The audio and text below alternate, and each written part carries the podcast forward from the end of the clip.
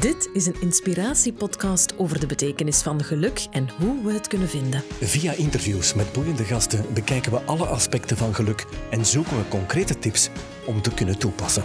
Welkom bij Potvol Geluk.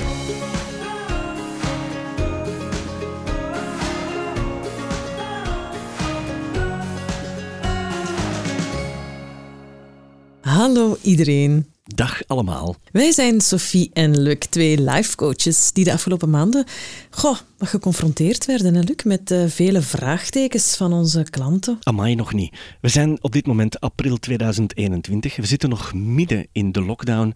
Het is nog nooit zo ellendig geweest als vandaag. Mhm. Ja, en wij hebben het gevoel dat heel veel mensen op zoek zijn. Niet alleen naar de zin van het leven, naar zichzelf, maar ik denk ook uh, naar geluk. Wat is geluk? Er zijn heel veel vraagtekens die op ons afkomen elke dag. Hè? Mhm. En vandaar dat wij het initiatief genomen hebben om uh, in actie te schieten. Dit door een podcastserie te maken over geluk en uh, hoe we het kunnen vinden. We willen eigenlijk mensen inspireren en motiveren. We willen inzicht verwerven en oh, wat lichtpuntjes aanreiken, denk ik. Maar hoe mooi klinkt dat? Ja. Hè? En ik kan u alvast verklappen, we zullen maar meteen uh, erin vliegen, dat wij vandaag een klepper van formaat hier bij ons in de studio hebben. Ze zegt, een dag zonder mensen is voor mij een verloren dag. Mooi, hè? Ja, en het klopt. Niemand minder dan Christel van Kraan. Het zegt u waarschijnlijk niks, maar zij is meester in de dramatische kunst, heeft ooit op podia gestaan, hele grote podia. Zij is ook office manager. Zij is de stem van Moesti. Zij is zo'n beetje van alles. Super. Dan gaan we erin vliegen. Hè? En ze straalt ook. Ik denk dat ze ook gelukkig is. Ja, ze zit hier bij ons, dus uh, van harte welkom in ieder geval. Dag Christel, welkom in onze studio. Dank u. Heb je er zin in? Ik heb er heel veel zin in. Wij alleszins ook, want wij zouden met jou graag heel diep willen gaan over geluk. Zou jij geluk kunnen samenvatten? Goh, dat is al meteen een heel moeilijke vraag. Dan heb ik denk ik twee dagen nodig, want geluk is zo breed. Geluk bestaat uit momenten, uit situaties. Dus het zo samenvatten, dat gaat mij niet lukken, denk ik. Mag ik het u makkelijker maken? Ja. Heb jij een moment in je leven waaraan je denkt, goh, toen was ik gelukkig? Ik heb er heel veel. Mm -hmm. Noem eens eentje. Dat kan iets heel dom zijn. Dat kan s morgens op mijn terras met een tas koffie Mhm. mm -hmm. zijn. Dan kan ik zo blij, gelukkig zijn. Gewoon omdat de vogeltjes fluiten, omdat de zon schijnt. Mm -hmm. Omdat ik daar op dat moment kan zitten. Omdat op dat moment alles rondom mij klopt. Okay. Het kan ook over grotere dingen gaan, maar ja? dat hoeft daarom niet. Vertel eens een grote. Uh, de Scorpions bijvoorbeeld. Maar dat is dan wel uit... Uh, lang vervlogen tijden. Ja. Op een podium staan voor 40.000 mensen. Oké, okay, dat geeft een kick, maar dat waren ook momenten van opperste geluk. Wat voel je dan? Alsof ik heel de wereld aankom. En ook vooral dankbaarheid, omdat ik dat kon doen met iemand die ik heel graag zag, met mijn beste vriendin. Okay. Je schreef tijdens de voorbereiding dat jij een hele grote droom had. Kan je ons eens meenemen naar die grote droom, hoe die eruit zag, nog voor je op dat grote podium stond? Waar zocht jij naar toen jij jonger was? Dan gaan we heel ver terug, uiteraard. Hè. Het is eigenlijk een beetje begonnen met de reeks Fame op tv. Mensen van mijn generatie gaan dat natuurlijk de wel dansers, kennen. de dansschool. De dans, acteren ja. en zingen. Het was eigenlijk alles. Hè. Dus, ja, dat was een totaalplaatje. Wij hadden dat toen hier nog niet. Wel Studio Herman Teirlink, maar niet echt zoals Fame. Dus dat stak mijn ogen uit. Van thuis uit werden wij heel hard... Um, ja, gepusht is het verkeerde woord. Het was een positieve push om academie te volgen. Dus dictie, uh, piano, notenleer. En ik vond dat fijn om te doen. Dat was een uitlaatklep. Mijn broer speelde piano, ik zong. En al gaandeweg begonnen wij zo zelf van alles te doen. Wij hebben een avondvullend programma gehad. Ik was toen 16, 17 jaar en daar trokken wij Vlaanderen mee rond. Amai. Ja, maar dat was zo ongedwongen. Dat, ja. Dat, ja, dat ging allemaal vanzelf. En voelde dat aan alsof dat de weg was die je wilde ja, bewandelen? absoluut. Okay. absoluut. En op school wisten ze dat ook. Um, er werd, ja, iedereen was daar positief over. Ik heb nooit in mijn jonge jaren tegenkanting gehad. Nooit. En dan besloot je, ik ga die richting volgen. Ja. Met jouw hogere studies. Ja, Met dat het is... doen, wat, wat, wat wilde je daar dan nog verder mee bekomen? Oh, dat is gaandeweg een beetje veranderd, want um, voordracht vond ik wel heel fijn om te doen. Dus eh, het is een tijdje geweest dat ik, dat ik echt meer voor tv wou gaan werken. Um, ik heb, ik heb um, eerst één jaar studie Herman Terling gedaan, maar dat is mij niet zo goed uh, bekomen. Mm -hmm. Qua mentaliteit. Ik kwam van een internaat en dan naar de grote stad. En studie Herman Terling, dat was echt geen goede combinatie. Ik um, ben dan naar het Lemmens Instituut gegaan om voordracht te studeren. Ik heb dat twee jaar gedaan. Dat vond ik dan weer te eng. En toen hoorde ik dat het Conservatorium van Brussel zou starten met een musicalafdeling. En dan ben ik daar terechtgekomen. En dat was echt het totaalplaatje. Vond je dat toen al een schot in de roos, die studies? Ja, absoluut. Al was het niet makkelijk. Waar bracht het jou toen? Goh, waar bracht het mij? Het heeft mij niet meteen ergens gebracht. Het heeft mij als mens wel heel hard veranderd. Omdat wij leerkrachten hadden, zoals Lea Thijs bijvoorbeeld, die mij zoveel geleerd hebben over het leven, over correct zijn, over op tijd zijn, over ja. Gewoon dat, dat zijn levenslessen, dat, is, dat zijn allemaal dingen die je in je rugzak kunt stoppen. En ik merk nu nog, ik kom nooit te laat op een repetitie. Ik zal, ja, dat, dat blijft hè. Kan jij je nog herinneren wat toen op dat moment jouw droom was? Waar wilde je uiteindelijk uitkomen? Toen ik op het conservatorium zat in Brussel, wou ik echt musicals spelen. Mm -hmm. Dat wou ik heel graag doen.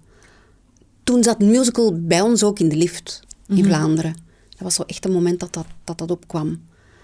Het is iets anders gelopen dan nadien, door de Scorpions en, en, en met Helmut Lotti, maar ja, het klopte allemaal. Het, het, was fijn. Ik heb dan ook hè, Gary Hegger um, gedaan. Nu gaat, nu gaat, het even heel snel. Gaat het snel? Ik, ja, ik denk dat je even moet ons meepakken en vertellen ja, okay. hoe ging het precies. Het conservatorium werd afgerond en dan in een, in een paar zinnen, welke successen behaalde je? Die successen zijn er eigenlijk al tijdens de studie gekomen. Mm -hmm. um, ik heb... In IJs op den Berg hebben wij een tijdje lokale televisie gedaan. Mm -hmm. TV Heist en TV Hulshout, denk ik, hè? Ja. Mm -hmm. Dus dat was eigenlijk iets wat, wat ik ook wel heel fijn vind, zo, voor zo, ja, nieuwslezeres.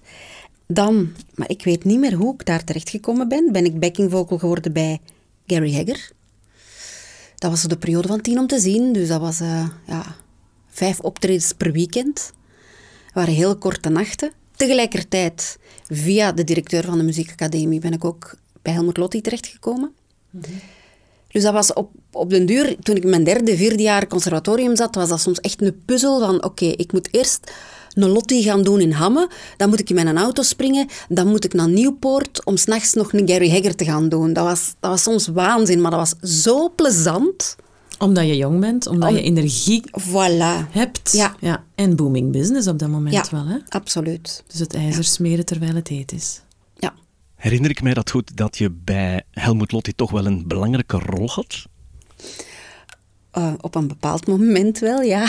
Vertel eens. ik ben daar begonnen gewoon als koormeisje. En um, bij een van zijn cd's was er een, een duet voorzien en tijdens de voorstelling werd dat gezongen door een bloedmooi meisje. Maar echt, die was zo mooi. Maar zo fantastisch goed was ze niet. Uh -huh. Qua zang. Qua zang. ik vind dat heel moeilijk om dat te zeggen. Uh -huh. um, en tijdens de live shows heb ik dat duet dan gezongen. Vaak? Een paar keer. Je blijft bescheiden, dat zie ik jou. ja. En je bedoelt toch met hem op het podium? Je moest toch niet achter de schermen gaan nee, nee, verstoppen, hè? Oké, oké, oké. Want ik denk, daar is, een, daar is een opname van, denk ik. Als ik het mij goed herinner, zong Helmut Lotti toen een duet in Morgenstimmung. Ja. En dat was het overbekende nummer dat jij altijd met hem live bracht. Ja. Wat toch wel op dat moment een prestatie was waar heel veel mensen alleen maar van kunnen dromen. Ja, dat klopt. En daar was ik mij ook wel van bewust. Maar tegelijkertijd kreeg ik dan op school de commentaar dat dat not done was. Waarom? Omdat, één, Helmut Lotti moet je dat wel doen. En twee, zolang je aan die studie bezig bent, mocht je eigenlijk niks doen. Ik heb er altijd mijn voeten aan geveegd. Hoe, hoe kan je het anders leren? Je moet toch in de praktijk staan. En ik denk eigenlijk het contrast tussen die, die, die blijdschap dat je dat mag doen en dan de commentaar op school, dat was wel een mooi evenwicht. Dat heeft ervoor gezorgd dat de twee voetjes op de ja, grond bleven. Ja, ja. Was jij toen al dicht bij dat befaamde geluk? Ja. Op die momenten was ik oprecht gelukkig. Omdat dat waren dingen die ik graag wou doen, maar ook de mensen waarmee ik dat kon doen, waren allemaal fijne mensen. Ik denk, had ik dat, had, moest, moest Helmoet een eikel geweest zijn, ja, dan, dan had dat niks betekend. En het was ook succesvol, hè? Het was heel Want succesvol. dat draagt ook denk ik ook bij aan dat geluksgevoel. Ja, het feit ja, dat je iets doet wat ook geapprecieerd wordt, waar dat je... Ja, Waarschijnlijk uw boterham ook Het aan is niet het enige natuurlijk, want ik heb daar ook wel over nagedacht. Hè.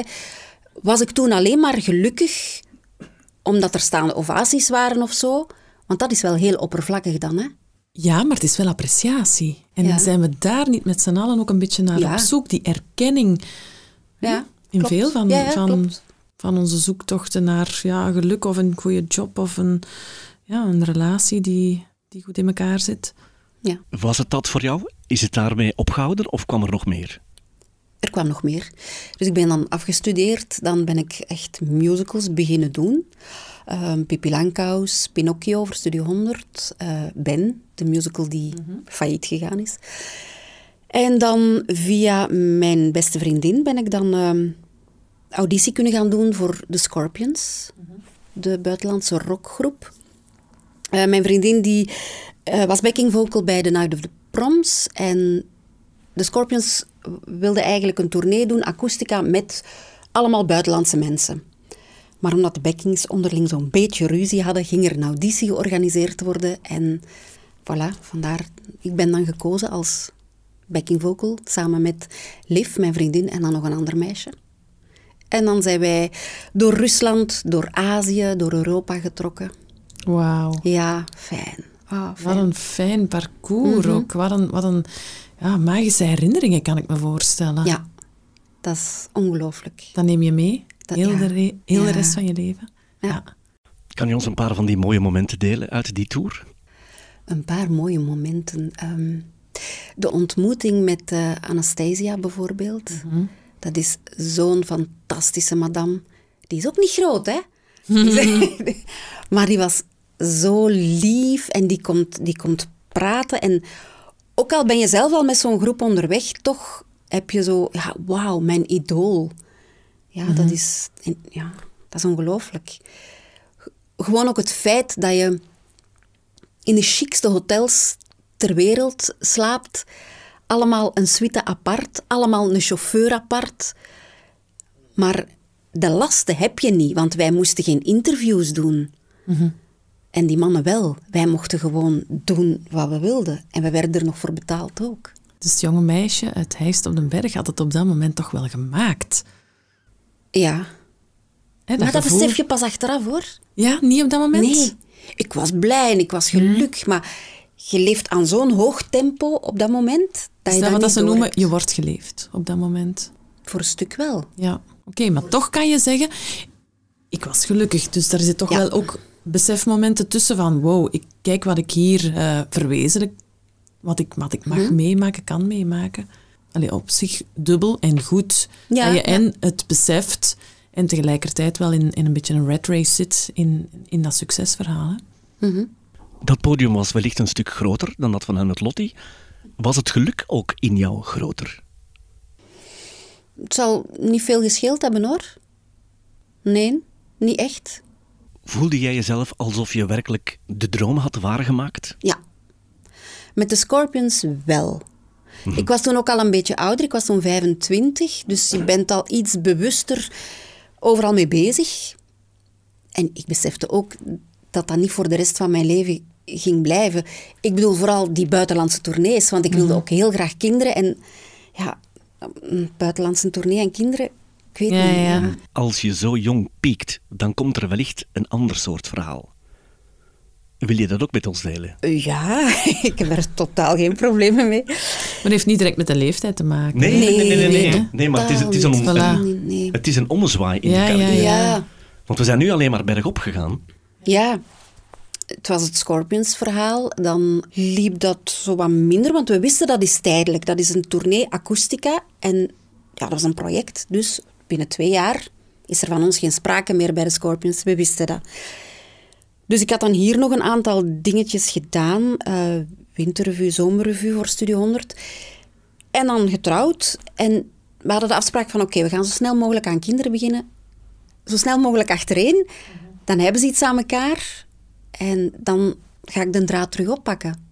Ik wil even een zijsprongetje maken. Jij hebt jouw man leren kennen terwijl je op wereldreis was? Nee, nee, nee. nee, Ah, oké, dat was al nee, daarvoor. Nee. Ja, dat was daarvoor. Ik kende hem al van toen ik 17 was of zo, maar we zijn uiteindelijk veel, veel later een koppel geworden. Oké, ja. ik ben terug mee. Oké. ja, eerste kindje. Um, alles stop. Een paar maanden later, na haar geboorte, ben ik terugzwanger. Uh, dertien maand na de eerste wordt de tweede geboren. En dat was op zich eigenlijk een beetje moeilijker. Op het einde van die zwangerschap ben ik echt heel slecht geworden. Uh, hij is dan met een keizersnee veel te vroeg gekomen. Um, ik weet er niet zo heel veel meer van, moet ik eerlijk zeggen. Uh, ik heb een tijd op intensieve gelegen. Um, Floris was gelukkig heel gezond. Bleek dat ik mijn eigen bloed afstootte. Dus ik heb verschillende keren um, volledige bloedtransfusies gehad, plasma, nieuw plasma. Dus dat is even heel slecht geweest toen oh. met mij. En een paar weken daarna, ineens is mijn gehoor aan mijn linkerkant voor 85% uitgevallen. Voorgoed. Mm. Ja. Dat lijkt mij de keerzijde van die geluksmedaille. Ja, maar dat kon ik toen nog niet weten. Hè. Dat dat ging komen. Anders had ik nog harder genoten. Maar hoe ging je met die tegenslag om? In het begin is dat overleven.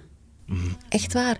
Want je hebt een kind van een jaar oud, je hebt een kind dat net geboren is, dus het is sowieso een struggle. Wij zijn bij mijn ouders gaan wonen toen ook, omdat ik zo slecht was, echt. Ja. Ik was echt was, ik was een wrak.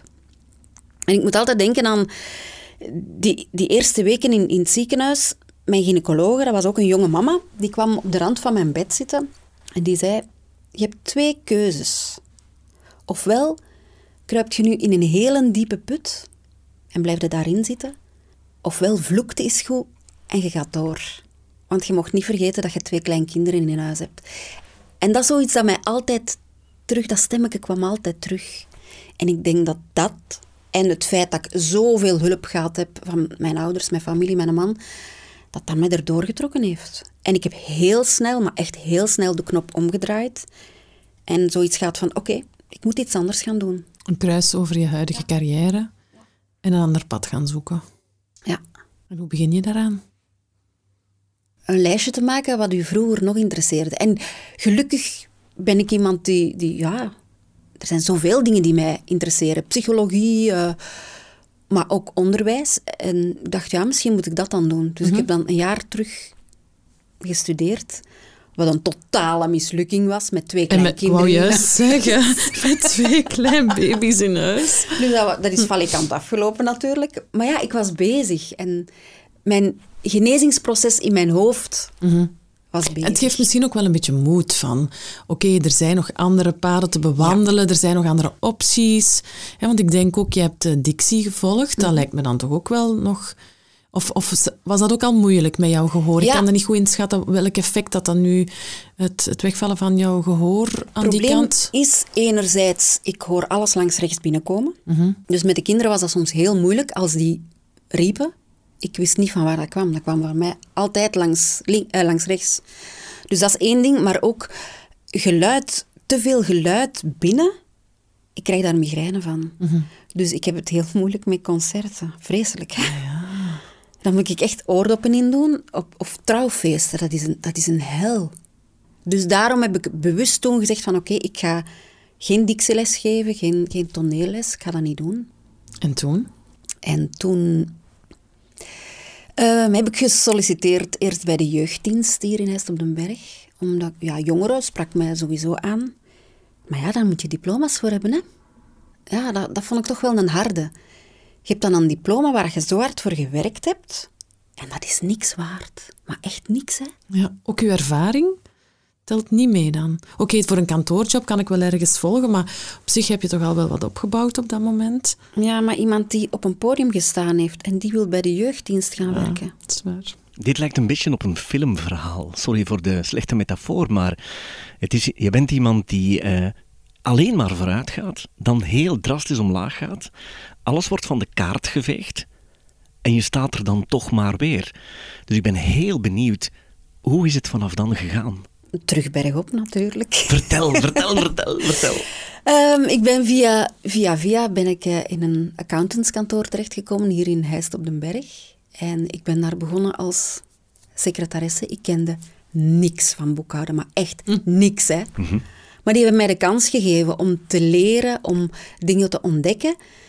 En die hebben ook altijd gezegd vanaf dag één, kijk, als er een dag komt dat je dat terug wil gaan doen of terug kan doen, wij gaan u niet tegenhouden. En dat gaf zo'n rust. En ik ben daar kunnen ja, groeien. Je was daar echt wel welkom. Ik was daar heel welkom. Dat is wel fijn. Dat ja. je ergens nieuwe thuishaven kan creëren. Ja. dat er toch een, een deur terug open gaat. Maar natuurlijk, ja, als ik dat zo van bovenaf bekijk, je komt dan uit de showbiz en je gaat naar een accountantskantoor.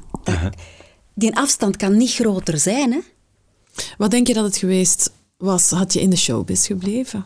Dan had ik nu op dit moment, denk ik, bij de psychiater gezeten. Met corona. Ouch. Ja. ja. Dan zaten we thuis nu allebei zonder werk. Ja. ja. Uw man zit ook in die sector. Mijn man zit ook in die sector. Ja. Zit nu al uh, eh, 13 maanden thuis. Hè. Dat zijn ook harde noten om te kraken. Ja. Hè? ja. Je zei dat het alleen maar bergop ging. Hoe, mhm. hoe ging het dan bergop vanaf die secretarissepositie?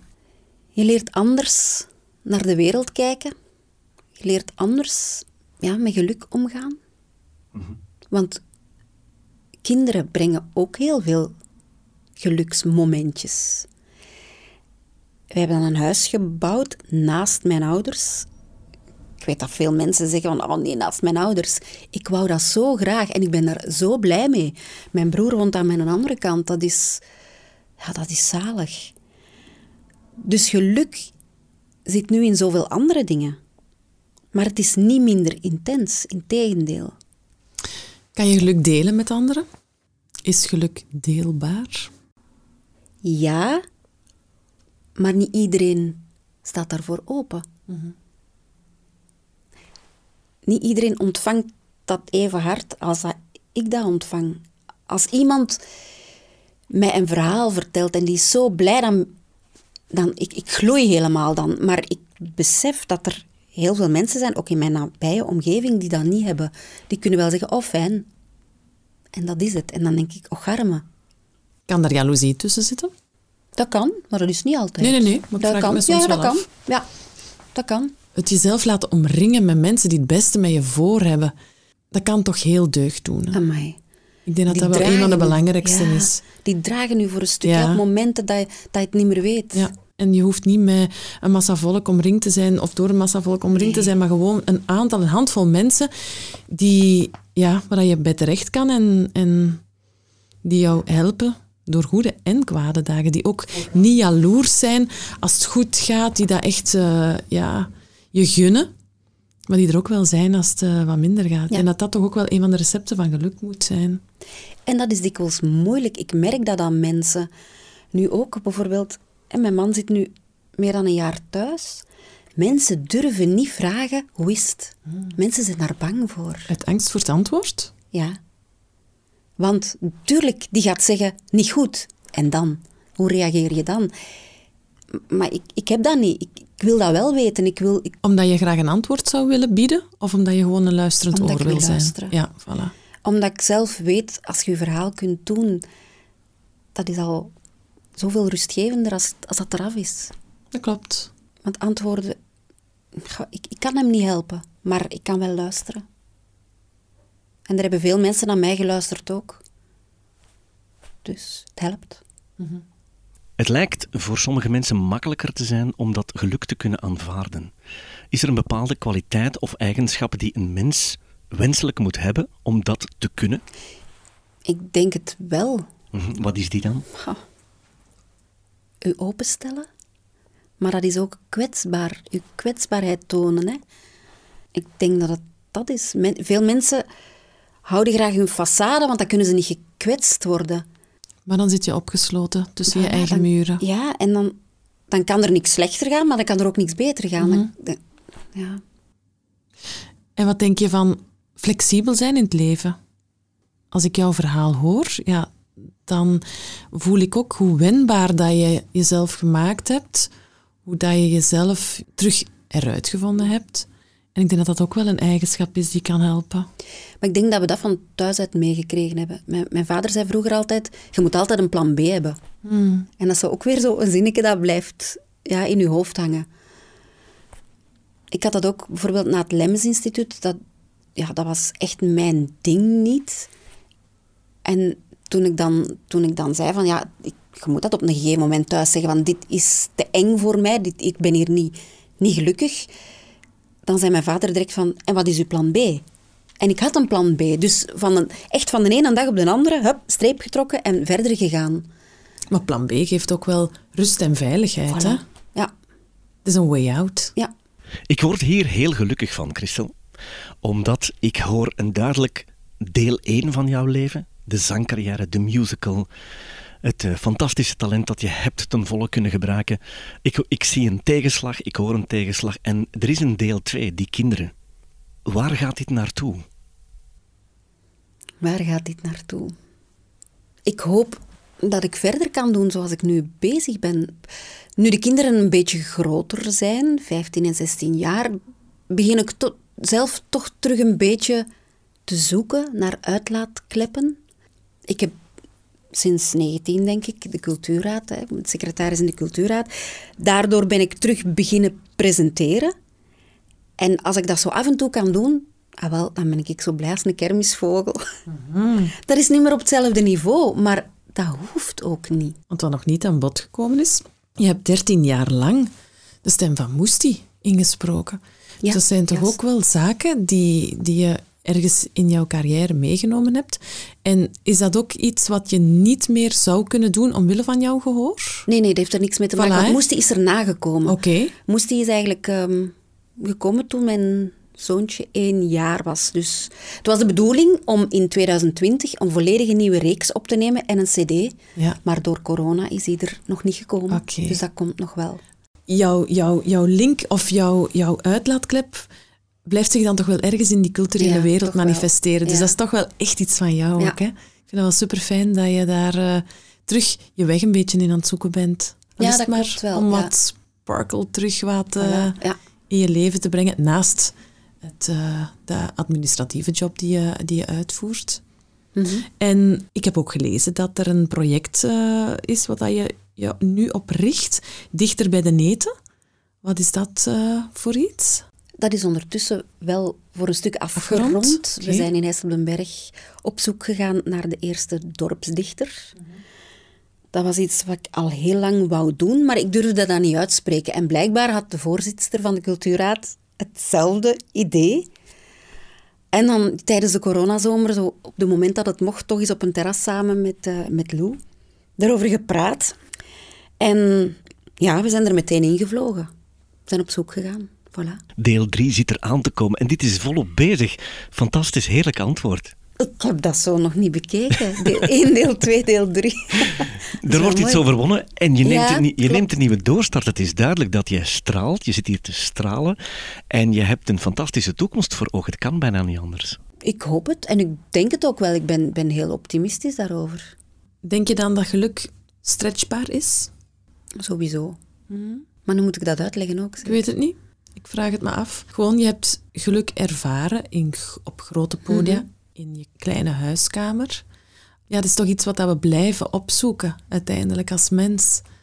En daarom vraag ik me af, eens dat je dat gevoel echt ervaren hebt, wanneer dat je zo echt dat opperste geluk al eens um, mogen voelen hebt, hoe, hoe ga je daar terug naar op zoek? Hoe, hoe kan je dat terug gaan oppompen of uh, uitwringen? Maar ik denk dat je vooral niet op zoek mag gaan, omdat je nu zegt van hoe ga je op zoek? Want dan wordt het krampachtig. En... Maar dat denk ik dat juist het probleem is bij veel mensen. Ze gaan te fel op zoek. Dus ik zoek naar manieren om ja, mensen te inspireren. Ik, ik wil verhalen hier in de studio brengen die eigenlijk ja, een, een, beter voorbeeld zijn. Want het is heel moeilijk voor mensen vandaag de dag om niet krampachtig op zoek te gaan naar geluk. Ja, het zijn heel moeilijke tijden, dus geluk is soms ver te zoeken. En het is toch een beetje eigen aan ons mens zijn dat we dat toch wel ergens willen ervaren. Ja, het is sowieso eerst neerleggen bij de situatie. Het, ja, het aanvaarden van wat er is. En dan nu heel langzaamaan terug openstellen. Want dat is ook een belangrijke. Hè? En die kwetsbaarheid dat je daarnet ook zei. Hè? Ja, wat die kwetsbaarheid betreft bijvoorbeeld. We, spreken altijd over geluk en we moeten blij zijn en we moeten... Maar, en genieten, genieten. Iedereen moet maar genieten. Maar mannen, ik heb zaterdag, ik heb bijna een hele dag lopen janken. Oh, en dat heeft zo'n deugd gedaan. Ja, dat, is, dat kan eens deugd doen. En wij zeggen tegen onze kinderen dikwijls, je moet niet wenen. En ik heb dat ook gezegd tegen mijn kinderen. Maar dat is fout. Als ik, als ik mijn kind bij een babysit afzet en, en die weent, ik moet niet zeggen, je moet niet wenen, die mag wenen. De emoties ten volle ervaren. Zowel het positieve als het negatieve. Klopt. Want, ja. Het volledig pakketje mens zijn. Ja, want het een kan niet zonder het ander. Ja, vind ik een mooie. Misschien betalen wij de goede momenten met de slechte. Uiteraard. Wie de regen niet kent, gaat de zon nooit appreciëren. Hè? Kijk eens aan. Klopt, maar ik zit toch nog te wachten op die gouden tip. In welke richting moeten wij dan kijken? Kleine stappen zetten? Werken aan jezelf? Met kleine sprongen vooruit? Werken aan jezelf sowieso, want dat, dat moet je altijd doen. En ik probeer nu, sinds dat hele corona-gedoe, omdat het dan ja, thuis ook soms een beetje een beladen sfeer is, echt de dingen van bovenaf te bekijken. Dat is, dat is niet makkelijk. Helikopterview. Ja, maar het helpt wel. Beetje afstand nemen. Ja, ja. Dat denk ik ook wel. Wat wens jij jezelf? Niet zo heel veel. Ehm, rust in het hoofd en dan komt de rest vanzelf wel. En die paar goede vrienden die ik heb, dat, dat die er blijven. Want ja, die zijn onbetaalbaar. Dat denk ik ook. En op carrièrevlak? Heb ik eigenlijk geen, geen ambities? nee, nee, geen ambities eigenlijk niet, nee. Mhm. nee. Dus het is fijn zoals het is? Het is fijn, ja. Je gaat in de toekomst waarschijnlijk nog wel wat geluk afdwingen. Heb je enig zicht op waar je nog naartoe zou willen? Nee, totaal niet. En dat is juist het leuke. Ik hmm. weet het niet. Laat maar komen. Mooi. Dat is dat openstaan, hè? Ja. Voor de wereld, voor het leven. Ik denk dat dat voor jongeren een, een serieus werkpunt is. Dat laat maar komen. Christel, om af te sluiten, zou ik graag een kleine opdracht willen geven. Uh, naast jou ligt een uh, papiertje en een stift. En uh, je mag voor ons gewoon eens een kleine tekening maken of een zin of een woord wat dat voor jou geluk is. En je mag het terwijl je tekent kort wat commentaar bijgeven. En dat gaan we dan gebruiken als logootje voor deze aflevering. Oh my god. Ik kan totaal niet tekenen. Um, het is misschien iets heel dwaas. Alhoewel, nee, het kan niet dwaas zijn, hè, want het komt... Ja, het komt spontaan. Het komt spontaan, hè. En het is, iets, het is iets vrij simpel. Maar dat is ook iets wat ik de laatste tijd ook al vaak gezegd heb. Dit is een glas. Ja. Het glas is half vol of half leeg. En het mijn is nog nooit half leeg geweest. Wauw. Mooi. Nog nooit. Als ik dat kan meegeven aan mijn kinderen, dan is die missie ook geslaagd. Mhm. En daar ben je volop mee bezig? Ja. Ja. Ik heb fantastische dingen gehoord, Christel. Echt waar. Deel 1, deel 2, deel 3. Ik kijk eigenlijk al uit naar jouw grote vierde deel. In dit leven, in dit grote geluk. Want je hebt het uh, heerlijk met ons gedeeld. Dank je wel daarvoor. Heel graag gedaan. Heb je inspiratie gevonden uit deze aflevering of kan je het aanbevelen aan anderen? Like of share onze podcast via iTunes, Spotify of de podcast-app. Of geef ons een review.